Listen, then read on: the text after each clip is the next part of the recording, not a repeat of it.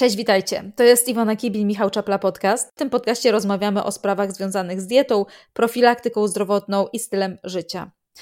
Zachęcam Was do śledzenia e, zarówno nas tutaj, jak i na innych naszych kanałach, oczywiście. Staramy się tutaj regularnie dodawać podcasty. Będzie nam miło, jak ocenicie nasz podcast, no i po prostu będziecie nas śledzić. A dzisiaj w naszym podcaście porozmawiamy sobie trochę na temat produktów innowacyjnych, żywnościowych projektów przyszłości dla naszej planety też. No i dzisiaj gościem w naszym podcaście jest doktor habilitowany inżynier Łukasz Łopusiewicz z Centrum Bioimmobilizacji i Innowacyjnych Materiałów Opakowaniowych Wydziału Nauk o Żywności i Rybactwa Zachodniopomorskiego Uniwersytetu Technologicznego w Szczecinie. Głównymi obszarami zainteresowań naukowych doktora Łopusiewicza jest wykorzystywanie surowców roślinnych do opracowywania innowacyjnej bioaktywnej żywności funkcjonalnej, o czym będziemy dzisiaj mówić, a także dodatków do żywności oraz aktywnych opakowań do żywności. Doktor Łopusiewicz jest również autorem ponad 100 publikacji naukowych i wystąpień na konferencjach krajowych, a także międzynarodowych. Prowadzi badania, które nie tylko pozwalają na zdobycie nowej wiedzy, ale stanowią również praktyczną odpowiedź na potrzeby rynku. No i doktor stawia na współpracę z partnerami przemysłowymi, e, był wykonawcą ośmiu grantów polskich i europejskich, no i jest kierownikiem dwóch projektów finansowanych przez Narodowe Centrum Nauki, a także Narodowe Centrum Badań i Rozwoju. Także dzień dobry. Dzień dobry. I jak wspominałam, doktor jest kierownikiem projektów naukowych. Jednym z nich jest e, Probiowege, projekt, o którym dzisiaj sobie porozmawiamy. Ja w ogóle jestem pod wrażeniem takich innowacyjnych e, przedsięwzięć, no bo cały czas musimy poszukiwać e, rozwiązań technologiczno-żywieniowych dla naszej planety, jak wykarmić w przyszłości ludność na naszej planecie, jak ograniczyć redukcję gazów cieplarnianych, mm, jak ograniczyć marnotrawstwo żywności. No i ja wiem, że ten projekt Probiowege no między innymi bierze pod uwagę te wszystkie aspekty, E, no i dodatkowo też wyprodukowanie takich e, przykładowych produktów, takich alternatyw dla produktów, które ze względu na swoje dotychczasowe gdzieś tam e, właściwości nie sprzyjają założeniom poprawy klimatu, jest takim win-win, no bo jednak mm, dajemy coś ludziom w zamian za produkt, który mógłby godnie zastępować ten tradycyjny, ale jest to zarówno korzystne dla naszego zdrowia, jak i dla klimatu. No bo chociażby taki właśnie roślinny camembert, który jakiś czas temu obiegł polski internet. Także o tym też sobie porozmawiamy, ale zacznijmy od początku, żebym ja za dużo nie powiedziała. E, Łukasz, jesteś kierownikiem projektu e. Na czym w ogóle ten projekt polega? No i od kiedy trwają prace nad nim? No bo to już pewnie jest kilka lat. Y, to znaczy, jeśli chodzi o SER, to jest takie poboczne działanie, natomiast sam projekt Probiowego. Sam projekt Probiowego jest finansowany z środków Narodowego Centrum Badań i Rozwoju. To jest duży trzyletni projekt, na którego finansowanie, zdobyli, którego finansowanie zdobyliśmy w 2020 roku. Aktualnie jesteśmy w trzecim roku naszego projektu. To finansowanie było nawet, y, mogę się pochwalić, bardzo duże, bo milion trzysta tysięcy złotych, ponad milion trzysta tysięcy złotych na to zdobyliśmy. No i w tym projekcie skupiamy się na opracowaniu takiej grupy produktów będących alternatywą dla nabiału bazujących na makuchach. Za chwilę pewnie powiemy, czym są te makuchy. Natomiast tutaj staramy się e, wyprodukować roślinne alternatywy produktów fermentowanych, czyli jogurtu, kefiru, e, napojów fermentowanych takich odpowiadających mleku, czyli, czyli takich no, mlek roślinnych tak zwanych, choć nie powinno się tu używać tego określenia, i takich proszków suszonych rozpyłowo jako nośniki tych korzystnych e, bakterii, w tym szczepów probiotycznych. Ja też w ogóle jestem pod wrażeniem takich innowacyjnych e, przedsięwzięć. Pamiętam, jak jakiś tam z rok temu czytałam o e, makuchach z pestek słonecznika, że można z nich robić różne produkty i pomyślałam sobie wtedy, wow, że to jest tak naprawdę e, super rozwiązanie. A w ogóle czym są makuchy i skąd wy je pozyskujecie? Może wyjaśnij nam. Makuchy to jest taka, taka bardzo ciekawa grupa surowców, które tak naprawdę są wytłoczynami z nasion roślin oleistych. Czyli w momencie, kiedy tłoczymy oleje z nasion, czyli słonecznika, czarnuszki, konopi, lnu, słonecznika i tak dalej, czyli ze wszystkiego, co się tłoczy olej, zostają te całe bogate reszty nasion. I te, te makuchy są tak naprawdę z nami od, od, od zarania dziejów e, odkąd nauczyliśmy się tłoczyć olej. No i dotychczasowo te, e, te makuchy, te wytłoki no były marnowane, były traktowane jako, ja nie lubię określenia odpad, ale jako taki produkt uboczny, e, czyli były albo skarmiano nimi zwierzęta, albo na, albo na cele opałowe, albo, mm, albo rozrzucano po prostu po polach, tak? Natomiast nic nie stoi na przeszkodzie, żeby inaczej o nich pomyśleć, bo to są nadal bogate reszty tych nasion, które na co dzień jemy, czyli no wystarczy iść do sklepu jakiś, jakąś bułkę posypaną ziarnami. To są te same ziarna z wytłoczonym olejem, E, z których został wytłoczony olej, czyli po prostu musieliśmy się zastanowić, e, jak w nieszablonowy sposób wykorzystać ich, e, wykorzystać ich ogromny, uważam, potencjał, ponieważ no, ich produkcja stale rośnie, tak? Te oleje zimnotłoczone są, są coraz popularniejsze, więc coraz więcej tych makuchów, tych wytłoczyn zostaje. Nawet z takiej tony Mm, z tony ziaren zostaje no pół tony do 600, 600 kilo do pół tony albo trochę mniej tych, tych makuchów. No i pytanie było, co z tym zrobić, żeby y, w myśl idei zero waste, czyli no nie marnować tego, co daje nam ziemia, a tak naprawdę mm, poszukać innego zastosowania. A skąd pozyskujemy? Pozyskujemy z polskich tłoczni. Postawiliśmy na makuchy z roślin, które rosną, które są uprawiane w Polsce i są tłoczone w Polsce. Y, mamy sprawdzone nasze małe tłocznie y, polskie, certyfikowane. Y, głównie dlatego również, bo chcieliśmy postawić na niski ślad węglowy, żeby nie sprowadzać tych egzotycznych różnych wytłoczyn, bo wiadomo, na świecie z różnych rzeczy tłoczy się olej. Natomiast my tłoczymy oleje, natomiast my pracujemy na czymś, co pochodzi, co pochodzi z Polski. Czyli to rozwiązanie jest w ogóle idealne, no bo nie musimy znikąd sprowadzać tych e, składników, a też e, zawsze ten olej będzie tłoczony, więc zawsze gdzieś tam makuchy będą do wykorzystania. A co znajduje się w suchej masie e, takich makuchów? Jakie są wartości tam?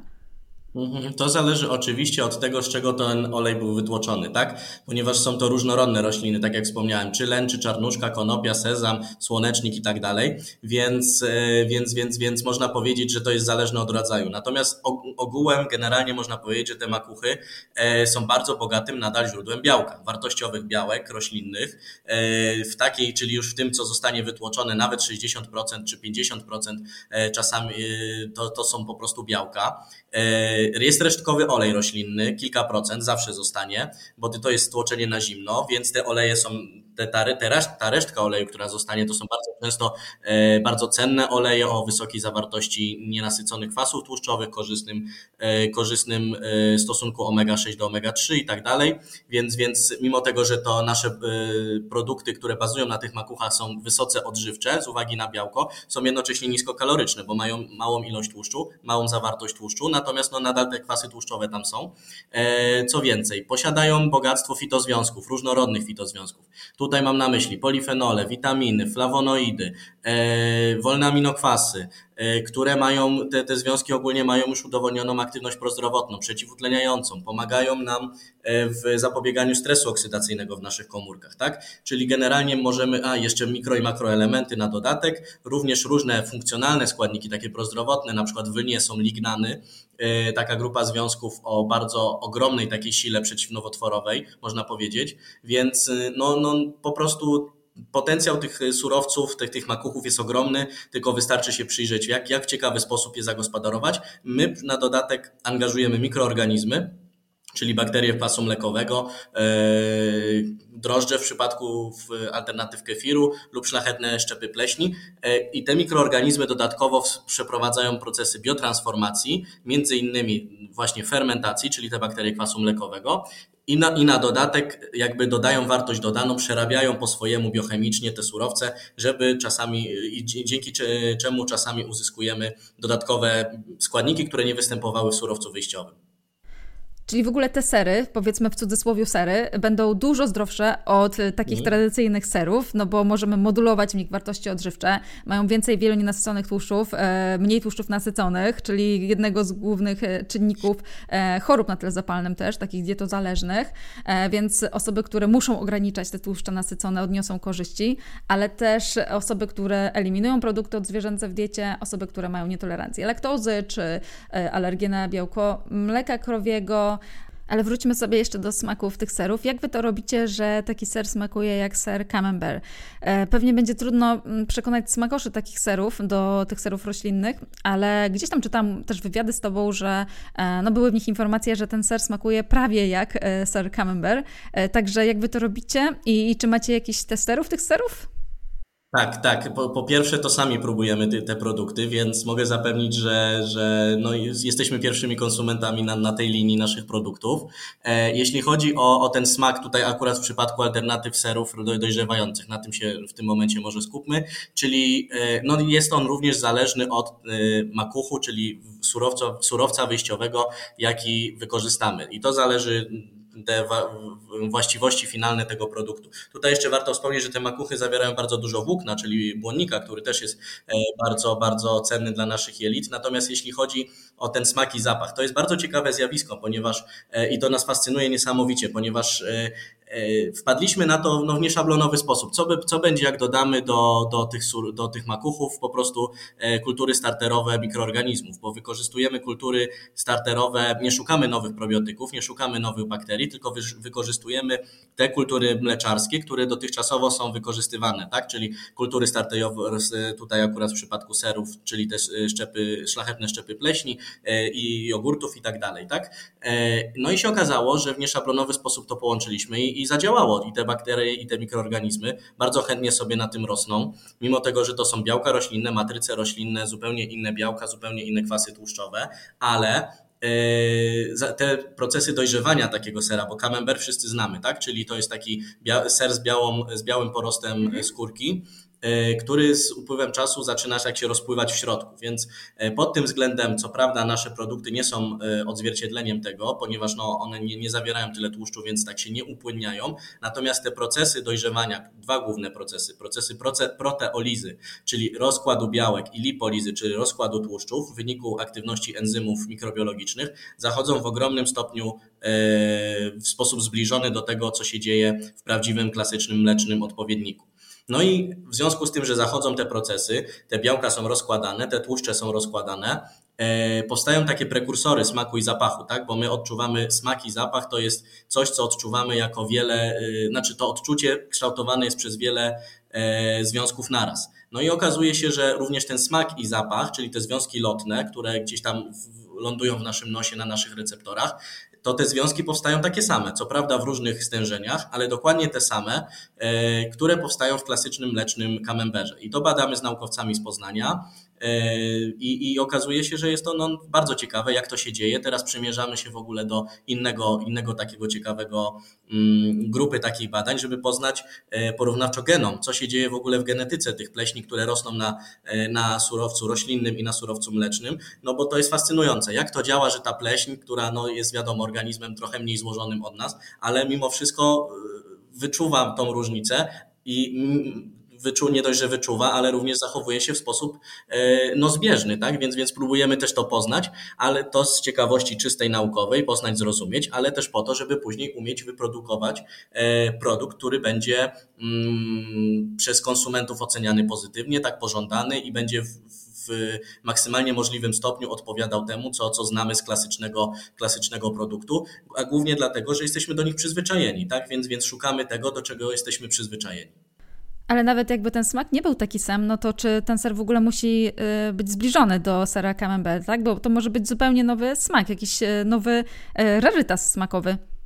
Tutaj warte jest podkreślenia, że to nad czym my pracujemy to nie są substytuty na produktów nabiałowych, czyli my nie skupiamy się na tym, żeby wyprodukować 100% roślinne mleko, rośli, 100% y, y, mleko, mleko roślinne będące takie same jak mleko. Nie skupiamy się na tym, żeby wyprodukować w 100% ser, tylko wyprodukujemy alternatywy, tak? czyli y, z surowców innych niż mleko, ale o wartościach, do, wartościach dodanych dzięki zastosowaniu tych mikroorganizmów posiadających wiele wspólnych cech, ale posiadających również cechy unikatowe z uwagi na to, że stosujemy te surowce roślinne. Więc to są alternatywy i to jest warte podkreślenia, że my się skupiamy na alternatywach, a nie substytutach takich w 100%. Ale to jest bardzo dobre rozwiązanie, bardzo dobre podejście, no bo jak wiesz, e, na polskim rynku, no, no, nie tylko na polskim, e, mamy już e, sery, takie zamienniki serów um, zwykłych i one są zrobione z oleju kokosowego, także nie jest to zbyt zdrowe rozwiązanie, zbyt też wartościowe produkty to nie są, a tutaj mamy pleśń, ona sobie pracuje mm, i ja widzę też e, korzyści dla mikrobioty jelitowej, więc być może gdzieś tam w przyszłości jakieś badania się pojawią z tymi serami, jaki to ma wpływ też na e, mikrobiotę e, jelitową konsumentów. Tutaj akurat Tutaj akurat mogę się pochwalić, że już prowadzimy takie badania, może nie w przypadku serów, ale w projekcie Probiowege prowadzimy takie bardzo ciekawe badania, takie dwie grupy badań, czyli przeżywalności tych mikroorganizmów w symulowanym przewodzie pokarmowym. Nie angażujemy ochotników, czyli y, mamy taki jakby układ bioreaktorów, które symulują warunki kolejnych miejsc w naszym przewodzie pokarmowym od jamy ustnej przez żołądek do jelit i, tak, i do jelit, tak? Bo musimy, musimy zdawać sobie sprawę, że tak mówi się jelita, drugi mózg, tak? Czyli tak naprawdę te mikroorganizmy muszą dotrzeć do naszych jelit, czyli przejść przez żołądek, tych, w którym są wiadomo nie, nie bardzo niekorzystne warunki i zasiedlić nasze, nasze jelita i tam dopiero działać. Więc po pierwsze sprawdzamy w projekcie probiowego, czy te mikroorganizmy, które tam mamy, w tym probiotyki, czyli te bardzo korzystne szczepy mikroorganizmów, dotrą do właściwego miejsca i y, no, żywe, tak, i będą mogły dalej tam, tam się namnażać i tam, tam prowadzić swoją, swoją, nazwijmy to, działalność, tą prozdrowotną na nas, na nas. Natomiast drugim takim kierunkiem jest badanie wpływu wpływu to robimy, bo nasz projekt jest też interdyscyplinarny, i nie dość, że interdyscyplinarny, to prowadzony na dwóch uniwersytetach. Współpracujemy z Pomorskim Uniwersytetem Medycznym i tam y, z tej, w tej współpracy badamy wpływ naszych produktów na bakterie patogenne, czyli sprawdzamy, czy nasze produkty będą mogły stanowić taką y, prewencję albo środek leczniczy w zatruciach pokarmowych, czyli zatruciach tymi niekorzystnymi mikroorganizmami, takimi jak Escherichia coli, gronkowiec, salmonella, listeria i tak dalej. Czyli tam sprawdzamy, czy nasze, czy, czy nasze produkty mają właściwości bójcze względem patogenów, czy wpływają również na ekspresję ich genów wirulencji, czy być może hamują te geny, nawet jeśli nie zabiją tych bakterii, to e, czy hamują produkcję tych toksyn, które powodują no, różne rewolucje żołądkowe, jeśli, jeśli dojdzie do takiego zatrucia, e, oraz czy hamują wzrost biofilmów, czyli takich konsorcjów mikro, mikroorganizmów w takich błonach, które są jeszcze trudniejsze do zwalczenia, ponieważ tutaj to taka mała dygresja, w tych biofilmach antybiotykooporne szczepy E, przyjmuje się, że są tysiąc razy bardziej, tysiąc razy bardziej oporne na e, działania antybiotyków, czyli one są ogromnym problemem. Więc staramy się tak holistycznie, wielowątkowo sprawdzić e, aktywność naszych, aktywność prozdrowotną naszych produktów. I to jest bardzo ciekawe, o czym mówisz, no bo też e, biofilmy są odpowiedzialne za infekcję przewodu pokarmowego, gdzieś tam pacjenci biorą antybiotyki, one nie są do końca skuteczne, więc e, oczywiście ważne, że oprócz tych preparatów, e, które są zalecane, e, suplementów probiotycznych, no e, trzeba po prostu mieć e, produkty probiotyczne jako naturalny składnik diety, po prostu w żywności.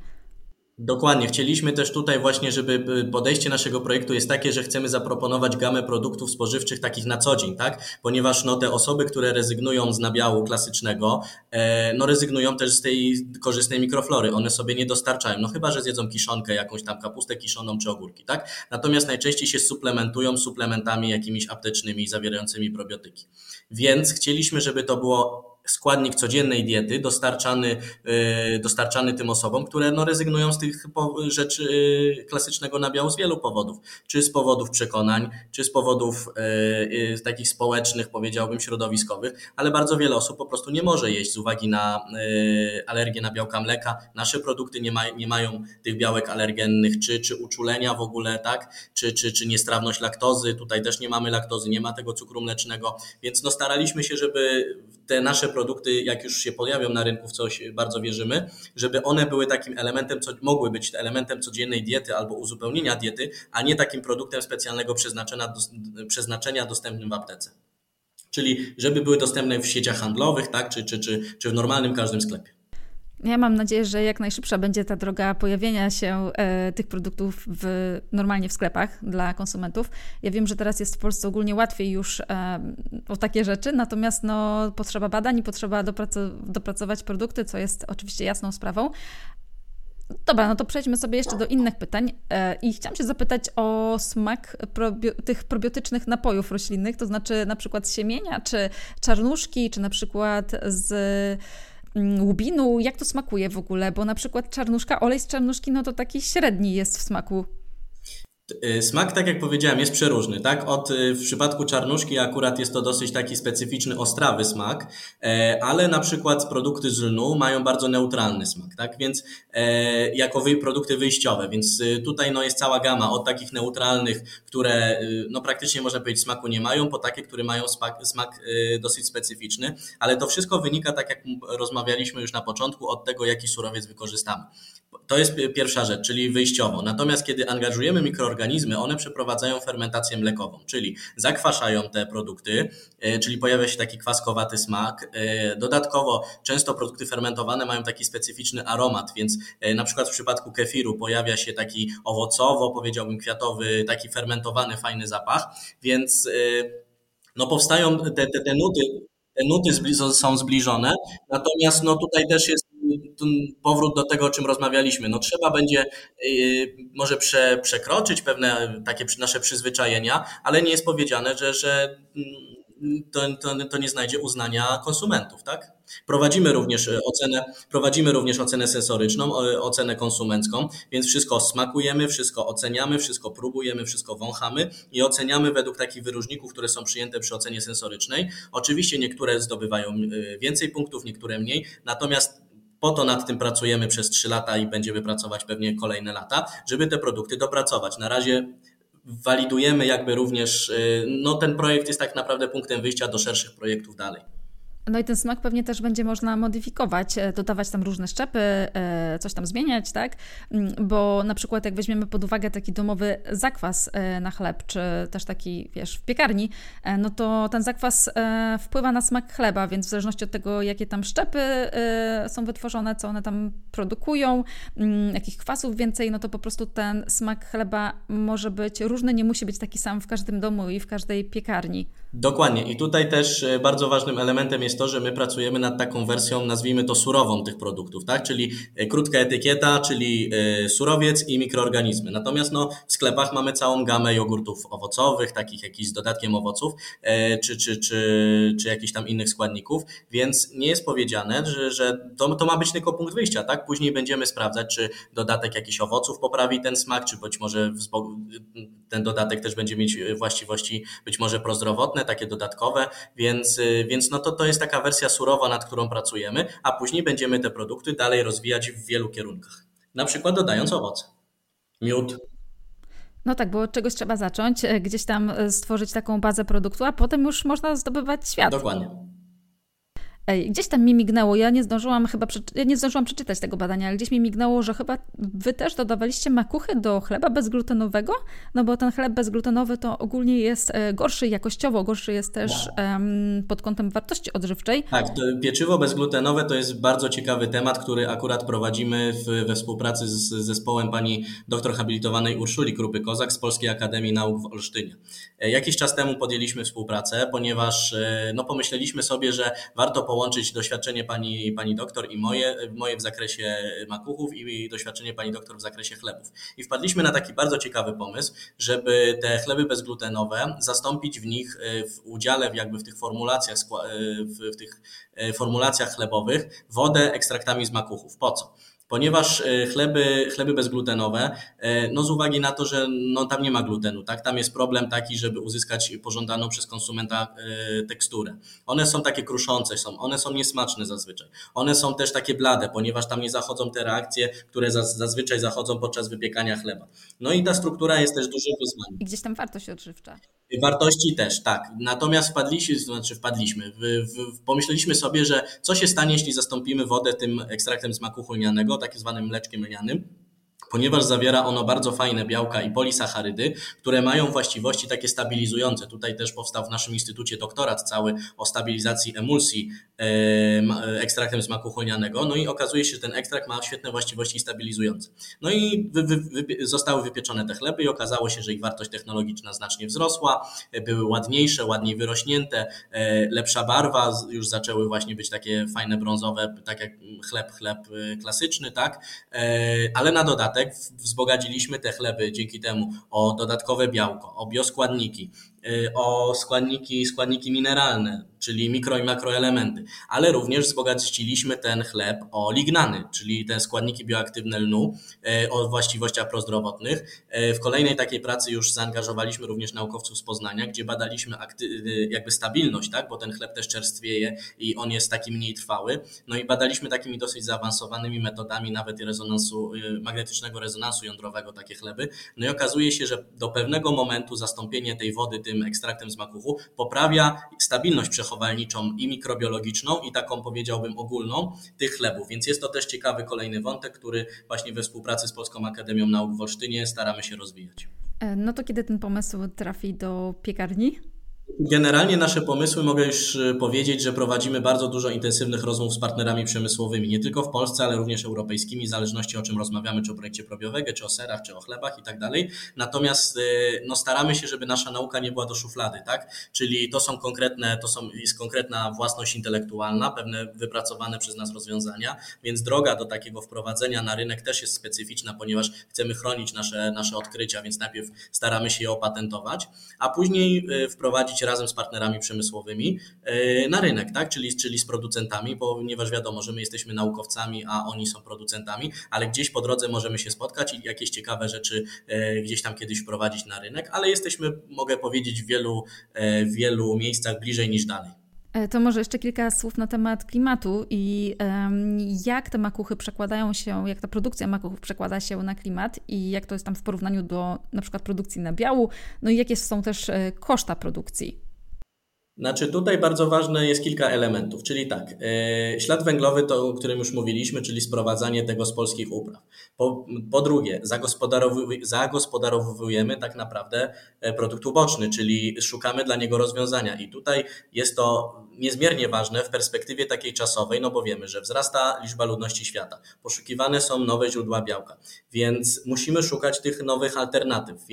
Kolejna sprawa, no nic nie może się marnować. Za jakiś czas po prostu e, nasz świat będzie, no już są na przykład wojny o wodę, tak? Niedługo zaczną się wojny, być może o żywność. E, kiedyś zostałem też zapytany, czy będzie można z tym polecieć na Marsa, tak? Nie wiem, czy będzie można polecieć na Marsa, ale na pewno na Marsie, jeśli już ludzkość kiedyś będzie, no tam nie będzie kursował codziennie y, jakiś tam pociąg z dostawami, więc tam nic nie będzie się mogło marnować. Te rozwiązania, które my dzisiaj proponujemy, być może są takie nieoczywiste dzisiaj, ale musimy w perspektywie tej czasowej, że za jakiś czas nic nie będzie mogło się marnować. Ale jeśli chodzi o cenę, to te produkty są znacznie tańsze od y, nabiału, tak? No wszyscy wiemy, ile teraz nabiał kosztuje mleko czy produkty nabiałowe e, w sklepach, ale również mają mniejszy, to, to, to też mówiłem, tak? Mniejszy ślad węglowy, czyli znacznie mniejsze ilości wody są zużywane do produkcji, E, no i znacznie mniej dwutlenku węgla jest generowane do atmosfery, czyli no, przyczyniamy się do, może nie zbawimy świata tym rozwiązaniem, ale na pewno dokładamy swoją cegiełkę do tego, żeby pokazać, że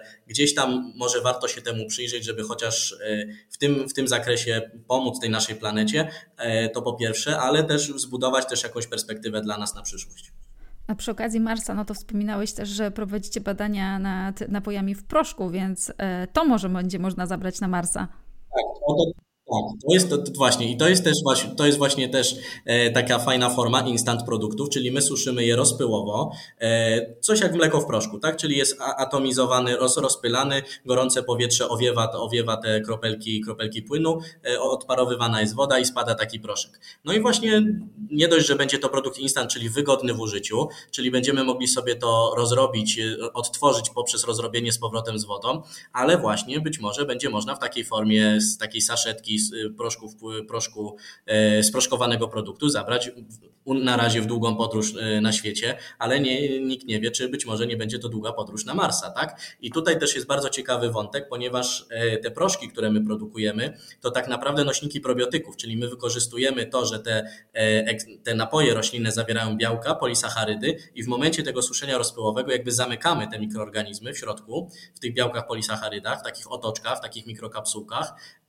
no i dzięki temu te mikroorganizmy są żywe. Przechowujemy je e, w tych proszkach i okazuje się, że nawet po pół roku e, one cały czas tam są żywe i, i, i cały czas zachowują swoje probiotyczne właściwości. Czyli to jest taka ochrona, e, ochrona mikroorganizmów, ale w formie żywności instant, w formie takiego convenient food, czyli wygodnej żywności. Czyli będzie można też zadbać o zdrową mikrobiotę jelitową u ludzi, którzy będą przebywać na Marsie. Mikrobiota jelitowa będzie z nami, jest od zawsze i będzie z nami zawsze, więc należy o nią dbać wszędzie. Gdzie wy te badania prowadzicie? Bo wspominałeś też wcześniej o współpracy z Poznaniem, ale to wszystko w Szczecinie się dzieje, prawda? Wszystko dzieje, główna, główna baza naszego projektu mieści się w Szczecinie na dwóch uczelniach, czyli Zachodnio-Pomorski Uniwersytet Technologiczny w Szczecinie, którego ja jestem reprezentantem i współpracujemy bardzo intensywnie z Pomorskim Uniwersytetem Medycznym. Natomiast ja pracuję na, na co dzień na Wydziale Nauk o Żywności i Rybactwa, e, który jest, który jest częścią ZUT-u e, i, i prowadzimy tutaj te badania mam w, w takiej specjalnej jednostce, to się nazywa Centrum Bioimobilizacji Innowacyjnych Materiałów Opakowaniowych. Natomiast na naszym wydziale prowadzone są bardzo różnorodne, ciekawe E, ciekawe badania właśnie czy z zakresu żywności roślinnej, ale również z klasycznej żywności, ponieważ kształcimy na naszym wydziale i technologów żywności, i mikrobiologów, i rybaków, czyli mamy kierunki technologia żywności e, i żywienia, mamy również mikrobiologię i mamy ichtiologię i akwakulturę, czyli te wszystkie kierunki e, również się przenikają. Natomiast no, dzięki temu, że mamy doskonałą bazę, mamy bardzo mądrych ludzi i, i ludzi o otwartych głowach i z dużym doświadczeniem, prowadzimy bardzo ciekawe badania w zakresie właśnie żywności, mikrobiologii żywności, aktywności prozdrowotnej. Więc, więc te badania y, wszystkie są na tyle ciekawe, że e, również angażujemy i w nie studentów, którzy realizują z nami różnorodne prace, e, czy, czy, czy magisterskie, inżynierskie, czy również doktoraty, więc, więc takie rzeczy u nas się dzieją w Szczecinie. Czyli pozdrawiamy uniwersytety e, ze Szczecina, różni ludzie z różnymi specjalizacjami, także taki zespół marzeń. A jakie są jeszcze Wasze plany na przyszłość? Może jest coś, o czym jeszcze chciałbyś wspomnieć? Na pewno, na pewno naszym głównym kierunkiem jest y, dopracowywanie tych produktów, na pewno jest aplikacja o kolejne granty, na pewno jest współpraca z partnerami przemysłowymi, ale również y, no, dalsza rozbudowa zespołu, więc y, no, cały czas weryfikujemy wszystko, co nam przyjdzie do głowy. E, jeśli mamy jakieś ciekawe pomysły, ubieramy fartuchy, lecimy do laboratorium sprawdzić, czy, czy te produkty, e, czy to, co nam przychodzi do głowy, ma jakiś sens, więc, więc to jest taki główny kierunek. Natomiast też jeden z takich kierunków, który chciałbym bardzo rozwijać, to później sprawdzenie tego już w tych modelach, e, modelach być może zwierzęcych, albo taki level up, czyli już po prostu e, badania na ludziach, tak? Dlatego też współpracujemy z medykami, żeby nie mówić tylko, że teoretycznie, że to wszystko działa, tylko wykazać, że to ma aktywność prawdziwą prozdrowotną i będzie dla nas korzystne.